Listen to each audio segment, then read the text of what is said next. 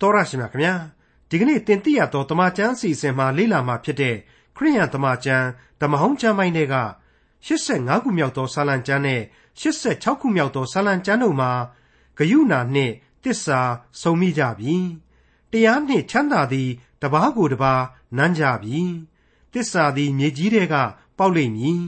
တရားသည်လည်းကောင်းကင်ဘော်ကငုံကြည့်လိမ့်မည်လို့ဖော်ပြပါရှိပါတယ်ဒီဖော်ပြချက်ဟာ ဒီကနေ့ဒီအချိန်ကာလမှာတကယ်ပဲအမှန်အကန်ဖြစ်ပေါ်နေပါပြီလား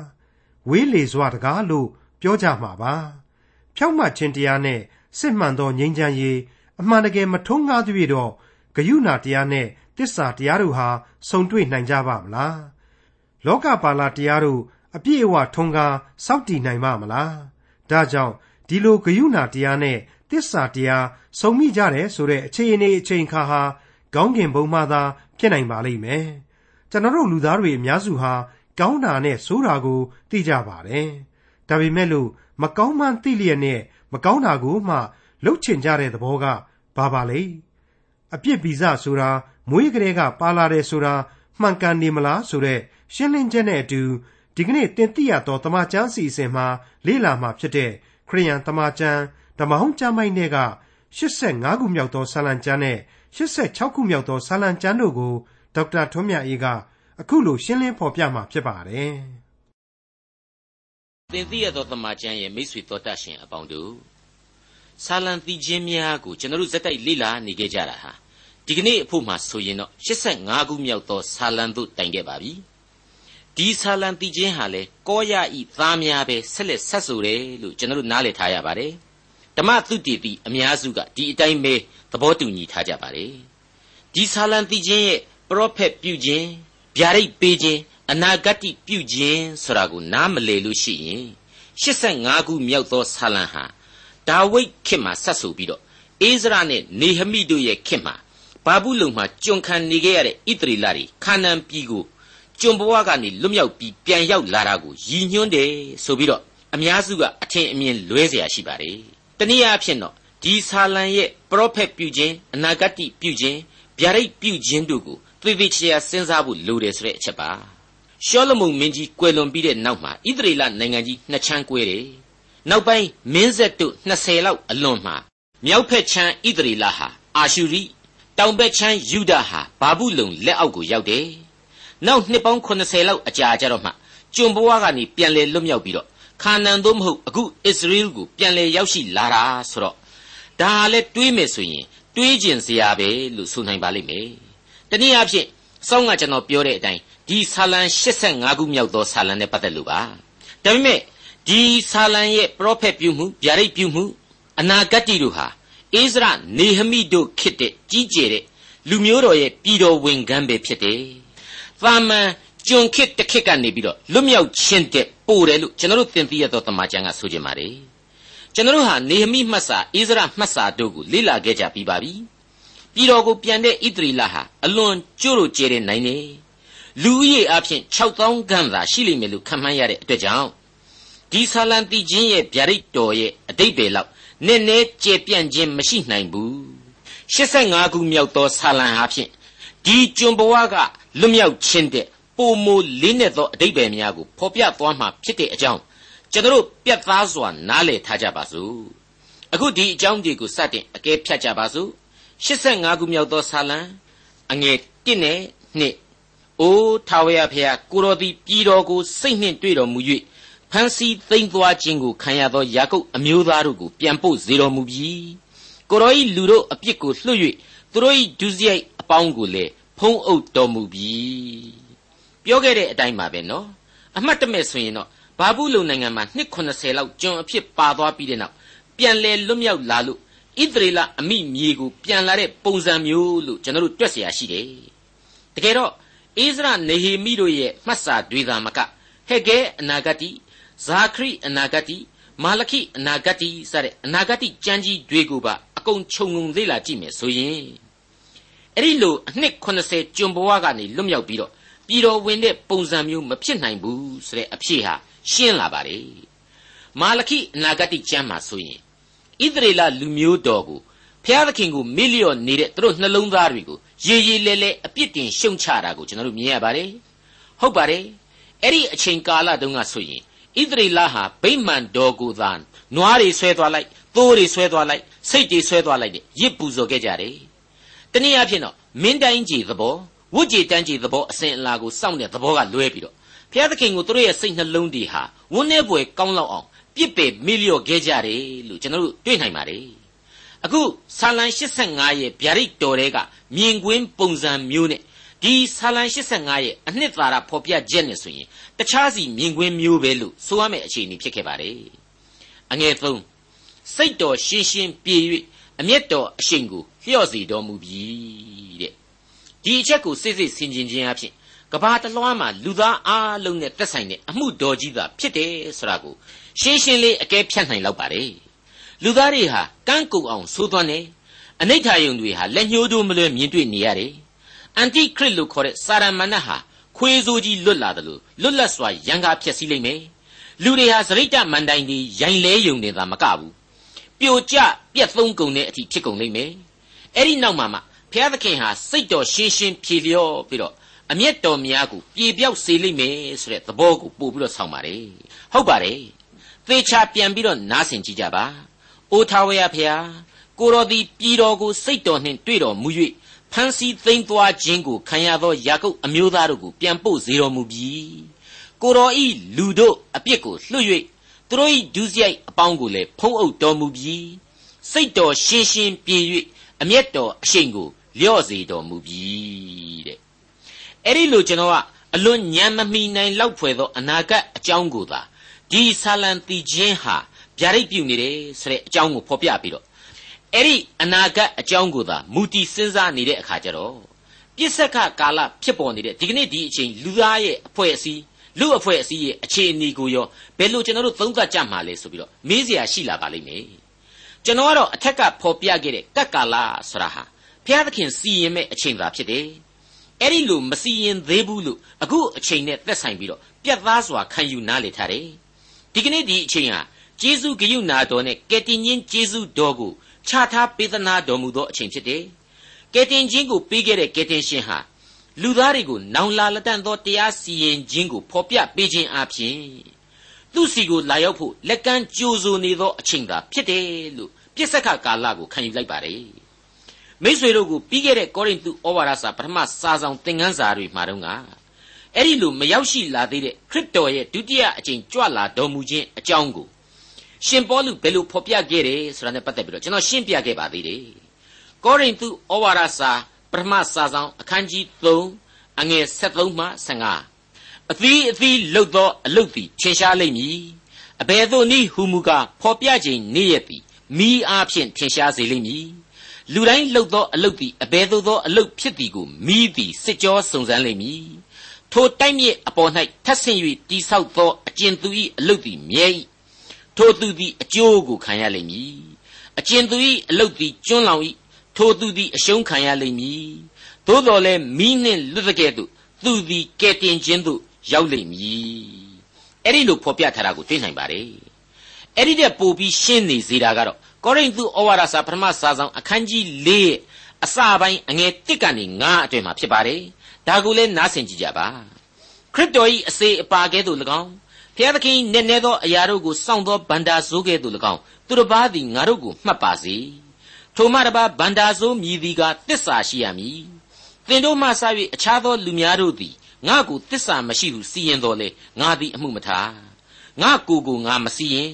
အကြောင်းမူကားကိုစိတ်သည်ကိုကိုအပြစ်မတင်သို့တော်လေထိုအကြောင်းဖြင့်ငါသည်အပြစ်လွတ်သည်မဟုတ်ငါကိုစီရင်သောသူကထာဝရဘုရားပေ၏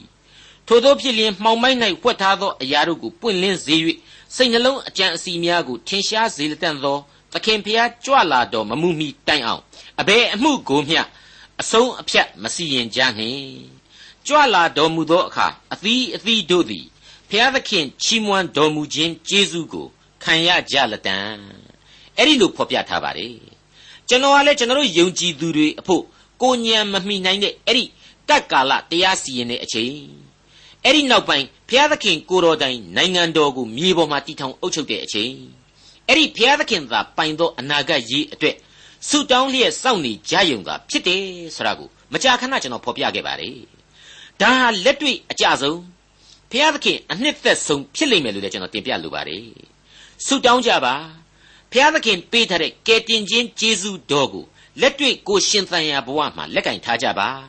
အစဉ်သဖြင့်သခင်နဲ့အသက်ရှင်ကြပါလို့သာကျွန်တော်အနေနဲ့တင်ပြခြင်းပါတယ်အခု85ခုမြောက်သောဆာလံအငယ်၄မှ9ကိုဆက်လက်နားဆွင့်ကြည့်ကြပါအကျွန်ုပ်တို့ကိုကယ်တင်တော်မူသောဖျားတဖန်အကျွန်ုပ်တို့ကိုပြောင်းလဲစေ၍ထွက်ဖူးသောအမျက်တော်ကိုငြိမ့်စေတော်မူပါအကျွန်ုပ်တို့၌အစဉ်အမျက်ထွက်တော်မူမည်လော ကာလအစဉ်အဆက်စိတ်တော်မပြေဘဲနေတော်မူမည်လော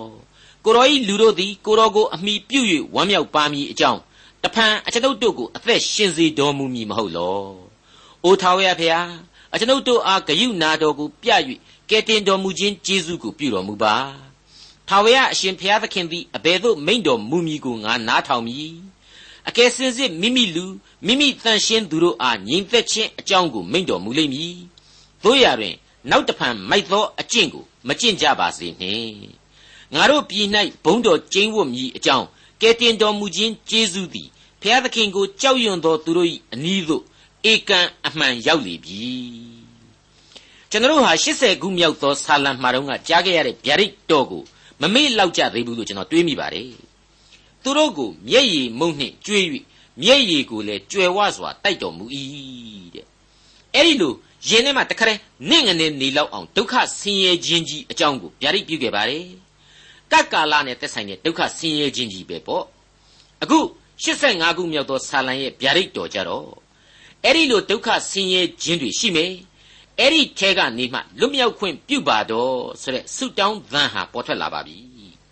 မိတ်ဆွေများခင်ဗျာအဲ့ဒီလိုဒုက္ခဆင်းရဲမှုဟာရှိကိုရှိရပါလိမ့်မယ်ပြီးတဲ့နောက်မှာတော့ လွန်ကိုလည်းလွန်မြောက်ရပါလိမ့်မယ်ဘာဖြစ်လို့လဲဆိုတော့ကဲတင်တော်မူခြင်းကျေးဇူးဆိုတာဟာ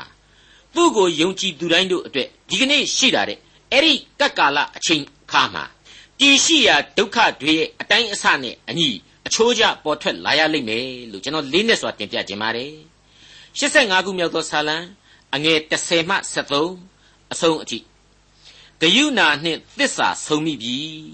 တရားနှင့်ချမ်းသာသည်တပားကူတပားနမ်းကြပြီ သစ္စာသည်မြေကြီးထဲကပေါက်လိမ့်မည်တရားသည်လေကောင်းကျင်ဘော်ကငုံကြည့်လိမ့်မည်အကယ်စင်စစ်ထာဝရဘုရားသည်ကျေးဇူးပြုတော်မူ၍ငါတို့မြေသည်မိမိဗန္တာကိုပေးလိမ့်မည်တရားသည်ရှေ့တော်၌သွား၍ခြေတော်ရာတို့ကိုပဲ့ပြင်လိမ့်မည်အခုဗျာဒိတ်တော်အတိုင်းဂယုနာတော်နှင့်သစ္စာဆုံးပြီလို့ဘယ်မှများအခိုင်အမာဆိုနိုင်ပါသလဲပြောလို့ဂရင်းတွေ့တာကလွဲလို့ပြောလို့ကောင်းတာကလွဲလို့ဘာမှဖြစ်ဖြစ်မြောက်မြောက်ပေါ်ထွက်နေပြီလို့ ပြစ်စက်ကကာလမှာကျွန်တော်တို့မခံယူနိုင်ပါဘူးဖြောင့်မတ်ခြင်းတရားနဲ့စစ်မှန်သောငြိမ်းချမ်းရေးအမှန်တကယ်မထွန်းကားသည်၍ဂယုဏတရားနဲ့သစ္စာတရားတို့မဆုံနိုင်ပါဘူးလောကပါဠတရားတို့ယာနှုံးဘယ်တော့မှမပြည့်နိုင်ပါဘူးပဲ့နင်းရင်ဥထောင်မယ်ဥနင်းရင်ပဲ့ထောင်မယ်အဲ့ဒီနီးနဲ့ပဲကမ္ဘာလောကကြီးဟာလုံးလေချလဲလိုက်နေရလိမ့်မယ်လို့ကျွန်တော်ဆိုချင်ပါတယ်ဒါကြောင့်မလို့အခုဆာလံအမှတ်စဉ်85ဟာဖြင့် ခရစ်တော်ရဲ့ကိုတော်တိုင်စိုးမိုးအုပ်ချုပ်ခြင်းကောင်းကင်နိုင်ငံတော်မှမြင်ကွင်းများသာဖြစ်တဲ့အကြောင်းကျွန်တော်လေးစားစွာတင်ပြလိုက်ပါရစေတောတရှင်မိတ်ဆွေအပေါင်းတို့ခင်ဗျာအခုအချိန်မှတော့ကျွန်တော်တို့အနေနဲ့85ခုမြောက်သောဆာလံကိုပြီးမြောက်လာတဲ့အတွက်ကြောင့်86ခုမြောက်သောဆာလံကိုဆက်လက်တင်ပြခြင်းပါတယ်ဒီကျမ်းကတော့ဒါဝိဒ်မင်းကြီးရဲ့ဆူတောင်းခြင်းဆာလံလို့ကျွန်တော်တို့ဆိုနိုင်ပါလိမ့်မယ်ဒီကျမ်းနဲ့ပတ်သက်လို့ထူးခြားချက်ကလေးတစ်ခုကိုပြောရမယ်ဆိုရင်တော့အတိတ်ကဆာလံတွေမှာ ဂျူးလို့ခေါ်တဲ့ဟေပြဲဘာသာစကားအဖြစ်အထက်ထပ်ပါဝင်ခဲ့တဲ့ဘုရားသခင်ရဲ့နာမတော်များကိုသုံးခဲ့တာမျိုးမဟုတ်ဖ ೇನೆ ဒါဝိဒ်မင်းကြီးဟာနာမတော်အသစ်ကိုပြောင်းလဲသုံးဆွဲခြင်းအကြောင်းပဲဖြစ်ပါတယ်ကျွန်တော်ပြောခဲ့ဘူးတဲ့အတိုင်းပဲဘုရားသခင်ကိုဂျူးတို့ဟာဂျေဟောဗာဆိုတာကိုသုံးတယ်ပြီးတဲ့နောက် Elohim ဆိုပြီးတော့လည်းသုံးပါတယ်ဒီကနေ့ဆာလံမှာကတော့ Adonai ဆိုပြီးတော့သုံးမယ်ဆိုတဲ့အကြောင်းပဲဖြစ်ပါတယ် Jehovah ဆိုတာကို ယေဟောဝါဆိုပြီးတော့မြန်မာကသုံးတယ်လို့ယာဝေဆိုပြီးတော့သုံးတာမျိုးလည်းရှိပါတယ်ဂျူးတို့ကတော့အလွန်ကြောက်မဲ့ဖွယ်ကောင်းသောတကိုးတော်ရှင်ရဲ့အမိကိုနာမတော်ကိုအသံထွက်မပီပြင်းရင်အပြစ်သင့်မှာဆိုလို့ဆိုပြီးတော့တရားဝင်အသံတွက်နဲ့သုံးတောင်မသုံးဝန်းခဲ့ကြဘူးလို့ဓမ္မသုတေသီတွေကဖော်ပြပါတယ်အခုကျွန်တော်ဆောင်းကရှင်းပြခဲ့တဲ့အတိုင်းဒါဝိမင်းကြီးဒီဆာလံကျမ်းမှာသုံးမဲ့အဒူနိုင်ဆိုတာကတော့ Lord သို့မဟုတ်သခင်ဆိုတာကိုကိုစားပြုတယ်လို့ဆိုပါတယ်ဂျဟိုးဗာကိုအသံတွက်မသေးကြမှာကြောက်တဲ့ဂျူးအတိုင်းအဝိုင်းတွေကဂျူး Orthodox လို့ခေါ်တဲ့ရှေးရိုးဆွဲဂျူးဝါဒီကြီးတွေဟာအဲ့ဒီအဒူနိုင်ကိုပဲအသုံးများလျက်ရှိနေကြတယ်လို့ဆိုပါတယ်ဒါကတော့ဘ ഹു တုတအဖြစ်ကျွန်တော်ထည့်သွင်းတင်ပြလိုက်တာပါပဲအဒူနိုင်ရဲ့အတိတ်ပဲကတော့ကယ်တင်ရှင်ထာဝရဖျားတန်ရှင်းသောအရှင် ဂယုဏတော်အနန္တနှင့်ကြွယ်ဝပြည့်စုံတော်မူသောဘုရားသခင်ဆိုတဲ့အတိတ်ပဲအကုန်လုံးကိုတပေါင်းတစည်းတည်းဖော်ပြနေတယ်အဲ့ဒီအတိတ်ပဲဒီအကုန်လုံးနဲ့အကျုံးဝင်တဲ့ဝေါ်ဟာရလို့ဆိုပါတယ်မူရင်းဂျူးဘာသာစာပေအရအခု86ခုမြောက်သောစာလံမှာအဒူနိုင်ကိုခုနှစ်ကြိမ်သုံးဆွဲထားပါတယ်ဒီအဒူနိုင်ဆိုပြီးတော့သုံးဆွဲတဲ့အတွက်စမ်းကြယ်မှုတစ်ခုဖြစ်တယ်မေရှိယဆိုင်ရာစာလံသို့မဟုတ်ကယ်တင်ရှင်သခင်ခရစ်တော်သို့မဟုတ် ဘုရားသခင်ရဲ့သားတော်ယေရှုရဲ့အကြောင်းကိုဗျာဒိတ်ဖွင့်ဆိုသောဆာလံဖြစ်တယ်ဆိုပြီးတချို့ကယူဆပါတယ်ကျွန်တော်သင်သိရသောတမန်ကျန်အဖွဲ့ကတော့ဒီဆာလံဟာမေရှိယကယ်တင်ရှင်ကိုကြိုတင်ဗျာဒိတ်ပြုတဲ့ဆာလံအဖြစ်ခံယူလိုသူတို့ခံယူအဓိကအားဖြင့်တော့ထာဝရဘုရားသခင်ရဲ့ကျေးဇူးတော်ကိုအစဉ်နားလေခံစားရသူဒါဝိမင်းကြီးရဲ့ရင်တွင်းခံစားချက်များနဲ့ယုံကြည်ခြင်းပြင်းပြစွာဆုတောင်းခြင်းအသံတွေပဲဖြစ်တယ်လို့သဘောရကြပါတယ်ခံယူကြပါတယ် ဆုတောင်းတဲ့နေရာမှာလဲရွေးကောက်တော်မူသော လူမျိုးတော်ရဲ့ကိုစားမျောလင့်ခြင်းကြီးစွာဆုတောင်းပေးခြင်းအသံကိုကြားရမှာဖြစ်ပါတယ်ဒါဝိမင်းကြီးရဲ့86ခုမြောက်သောဆာလံကဆုတောင်းတဲ့ဟာကောင်းကင်နိုင်ငံတော်သို့ရည်စူးသောဆုတောင်းခြင်းဖြစ်တယ်လို့လည်းကျွန်တော်ထပ်မံဖြည့်ဆွက်လိုက်ပါရစေ86ခုမြောက်သောဆာလံအငယ်1မှ30အိုးထာဝရဘုရားနားတော်ကိုလှဲ့၍အကျွန်ုပ်စကားကိုနားထောင်တော်မူပါအကျွန်ုပ်သည်ဆင်းရဲငတ်မပါ၏ အကျွန်ုပ်၏ဘုရားသခင်တန်ရှင်းသူတို့အဝင်ဖြစ်သောအကျွန်ုပ်၏ဝိညာဉ်ကိုစောင့်မ၍ကိုတော်ကိုကိုးစားသောကိုတော်၏ကျွန်ကိုကယ်တင်တော်မူပါ။အိုးထာဝရဘုရားအကျွန်ုပ်သည်ကိုတော်ကိုအစဉ်အော်ဟစ်ပါသည်ဖြစ်၍ကယ်မသနာတော်မူပါ။အိုးထာဝရဘုရားကိုတော်ကိုအကျွန်ုပ်တတ်သပါသည်ဖြစ်၍ကိုတော်၏ကျွန်သည်ဝမ်းမြောက်မည်အကြောင်းပြုတော်မူပါ။အိုးထာဝရဘုရားကိုတော်သည်ကောင်းသောသဘောသီးခံတတ်သောသဘောနှင့်ပြည့်စုံ၍ ကိုတော်ကိုပထနာပြုသောသူအပေါင်းတို့အားဂယုဏတော်ကြွယ်ဝပါ၏။အိုထာဝရဖျားအကျွန်ုပ်၏ပထနာစကားကိုနားထောင်တော်မူပါ။အသနာတော်ခံသောစကားသံကိုမှတ်တော်မူပါ။ဘေးရောက်သည့်ကာလကိုတော်ကိုခေါ်ပါမည်။ကိုတော်လည်းထူးတော်မူတတ်ပါ၏။အိုထာဝရဖျားဖျားတို့တွင် ကိုတော်နှင့်တူသောဖျားမရှိပါ။အမှုတော်နှင့်တူသောအမှုလည်းမရှိပါ။အိုထာဝရဖျား ဖန်ဆင်းတော်မူသောလူမျိုးအပေါင်းတို့သည်ချင်းကပ်လျက်ရှေ့တော်၌ပြတ်ဝတ်၍နာမတော်ကိုချီးမြှောက်ကြပါလိမ့်မည်ကိုတော်သည်ကြီးမြတ်၍အံ့ဩပွေတို့ကိုပြုတော်မူ၏ကိုတော်တပါးသည်သာလျှင်ဘုရားသခင်ဖြစ်တော်မူ၏ဖန်ဆင်းတော်မူသောလူအပေါင်းတို့သည်ချင်းကပ်လျက်ရှေ့တော်၌ပြတ်ဝတ်၍နာမတော်ကိုချီးမြှောက်ကြပါလိမ့်မည်တဲ့အဲ့ဒီအချက်ဟာခရစ်တော်ရဲ့တရားစီရင်တော်မူခြင်းအမှုပြည့်မြောက်ခြင်းဘုံတော်နှင့်ပြည့်ဝခြင်းမှာ လောကကဘာမြေတစ်ခုလုံးမှာခရစ်တော်ကိုသာလူသားတွေအားလုံးဥညွတ်ရခြင်းပဲဆိုပြီးတော့ကျွန်တော်သင်သိရသောတမန်ကျမ်းကအတိတ်ပဲဖွင့်ဆိုခြင်းပါတယ်ကြီးမြတ်၍အံ့ဩဖွယ်အမှုတို့ကိုပြုတော်မူ၏ဆိုတဲ့ဆုတောင်းခြင်းကိုအတိတ်ကာလမှာမပြုနိုင်ဘူးလားဒီကနေ့ကောမပြုနိုင်ဘူးလားဆိုတာပြန်လေတွေးဆဆင်ခြင်နေပါတယ်ဖန်ဆင်းတော်မူသောအရာတို့တဲကတည်ရှိပြီးသားတွေကိုသာအခြေခံရင်းနဲ့တစ်ခုပြီးတစ်ခုအသစ်အဆန်းတွေထွင်းနေတဲ့သိပ္ပံတိုးတက်မှုများကို ကျွန်တော်ဟာပါဇက်အဟောင်းသားအံ့ဩနေကြပါတယ်ချီးမွမ်းထောမနာပြုနေကြပါတယ်အဲ့ဒီအံ့ဩပွေတို့ဖြစ်ပေါ်စေတဲ့လျှို့ဝှက်ချက်တို့ဟာကဘာမြေကြီးကိုဖန်ဆင်းခြင်းကလေးကတည်ရှိခဲ့ပြီးသားဖြစ်တယ်ဒါတွေကိုလူပောင်အတွက်ဘုရားသခင်ကိုတော်တိုင်ချထားတော်မူခဲ့ခြင်းဖြစ်တယ်ဆိုတာကိုတော့မအံ့ဩပဲရှိနေကြတာဟာအလွန်ဆန်းတယ်လို့ကျွန်တော်ခံယူမိပါတယ်ပြီးခဲ့တဲ့သင်ခန်းစာတစ်ခုမှတော့ကလည်းကျွန်တော်ဖော်ပြခဲ့ပြီးပါပြီဒီကနေ့မျက်လုံးပြူးမျက်စံပြူးနဲ့ ဆန်းတယ်ဆန်းတယ်ဆိုတာတွေဟာလေတနေ့တော့ဘာမှမဆန်းတော့ပဲနောက်ထပ်တခြားအံ့ဩပွေတွေကြားထဲမှသာကွယ်ပြောက်သွားရအောင်မှာဖြစ်ပါတယ်ကိုတော်တပါးရီသာလျှင်အံ့ဩပွေဖြစ်တော်မူ၏ဆိုတဲ့အသံကိုလူသားအလုံးတို့ဟာကောင်းကင်နိုင်ငံတော်မြေပေါ်မှာတီထောင်ခြင်းမှာတူပြိုင်ကြွေးကြော်လာမယ့်အကြောင်းကိုအခု86ခုမြောက်သောဆာလံဟာဖော်ပြလိုက်ပါတယ်။အိုးထာဝရဘုရားဖန်ဆင်းတော်မူသောလူမျိုးအပေါင်းတို့သည်ချင်းကပ်လျက်ရှေ့တော်၌ပြတ်ဝတ်၍ နာမတော်ကိုချီးမြှောက်ကြပါလိမ့်မည်ကိုတော်သည်ကြီးမြတ်၍အံ့ဩဘွယ်တို့ကိုပြုတော်မူ၏ကိုတော်တပါးသည်သာလျှင်ဘုရားသခင်ဖြစ်တော်မူ၏တဲ့အခု86ခုမြောက်သောဆာလံအငယ်7ကိုဖတ်ပြပါရစေအိုထာဝရဘုရားကိုတော်၏လမ်းကိုအကျွန်ုပ်အားပြညွှန်တော်မူပါကိုတော်ဤသမာတရားလမ်းသို့လိုက်သွားပါမည်နာမတော်ကိုကြောက်ရွံ့မည်အကြောင်းအကျွန်ုပ်ဤနှလုံးကိုစေ့ဆက်စေတော်မူပါ ဒီနေရာမှာအတော်ကြီးပြောင်မြောက်တဲ့အဆိုအဖွဲပဲလို့ကျွန်တော်ကတော့ဒီအပိုင်းကိုခံယူပါတယ်ကျွန်ုပ်ဤနှလုံးကိုစေ့ဆက်စေတော်မူပါတဲ့ဘာဖြစ်လို့စေ့ဆက်စေခြင်းရတာလဲရှင်းရှင်းပြောရင်တော့နှစ်ချမ်းကွဲနေလို့ပေါ့ယုံကြည်ခြင်းရှိတာကတော့သိကြတယ်ဒါဆိုရင်ဘာနှစ်ချမ်းကွဲနေတယ်လေဇာတိပဂရိနဲ့ဝိညာဉ်ပဂရိနှစ်ချမ်းကွဲနေခြင်းပဲဘုရားသခင်ဘာကိုမကြိုက်မှန်းသိတယ်အဲ့ဒီဘုရားသခင်မကြိုက်တာကလေးကိုမှကိုကကြိုက်တယ် အဲ့ဒါကလေးကိုမှရွေးပြီးတော့လှုပ်ချင်တဲ့စိတ်ကတစ်ဖက်ကငေါက်တယ်ငေါက်တယ်နဲ့ကိုကိုလွှမ်းမိုးနေတယ်အဲ့ဒါဟာဝိညာဉ်ရေးကစင်ကလျာဖြစ်ခြင်းရဲ့သဘောနှလုံးနှစ်ချမ်းကွဲနေခြင်းရဲ့သဘောပဲဒါကြောင့်မလို့ဒါဝိဒ်အခုလိုဆူတောင်းခြင်းဖြစ်တယ်နာမတော်ကိုကြောက်ရွံ့စေမည်အကြောင်းစိတ်နှလုံးကိုအကျွင့်မဲ့ဝိညာဉ်ခွန်အားနဲ့ပတ်ရစ်ပြီးတော့စိတ်ဆက်စေတော်မူပါတဲ့86ခုမြောက်သောဆာလံအငယ်7မှ18အဆုံးအထိ အကျွန်ုပ်ဤဘုရားသခင်ထာဝရဘုရားအကျွန်ုပ်သည်ကိုတော်ကိုစိတ်နှလုံးအကျွင့်မဲ့ချီးမွမ်း၍နာမတော်ကိုအစဉ်အမြဲချီးမြှောက်ပါမည်အကျွန်ုပ်ခံရသောဂယုဏတော်ကြီးလှပါ၏အကျွန်ုပ်ဤဝိညာဉ်ကိုမရဏနိုင်ငံအောက်အရက်ထဲကကယ်နှုတ်တော်မူပြီ။အိုဘုရားသခင်မာနကြီးသောသူတို့သည်အကျွန်ုပ်တစ်ဖက်၌ထကြ၍ကြမ်းတမ်းသောလူအစုအဝေးတို့သည်ကိုတော်ကိုမျက်မှောက်မပြုဘဲအကျွန်ုပ်အသက်ကိုရှာကြပါ၏။အိုထာဝရဘုရားကိုတော်သည်တနာစုံမဲ့တတ်သောသဘော ကျေးဇူးပြုတတ်သောသဘောသီးခံတတ်သောသဘောဂယုဏနှင့်တစ္ဆာကြွယ်ဝသောသဘောနှင့်ပြည့်စုံသောဖရာဖြစ်တော်မူ၏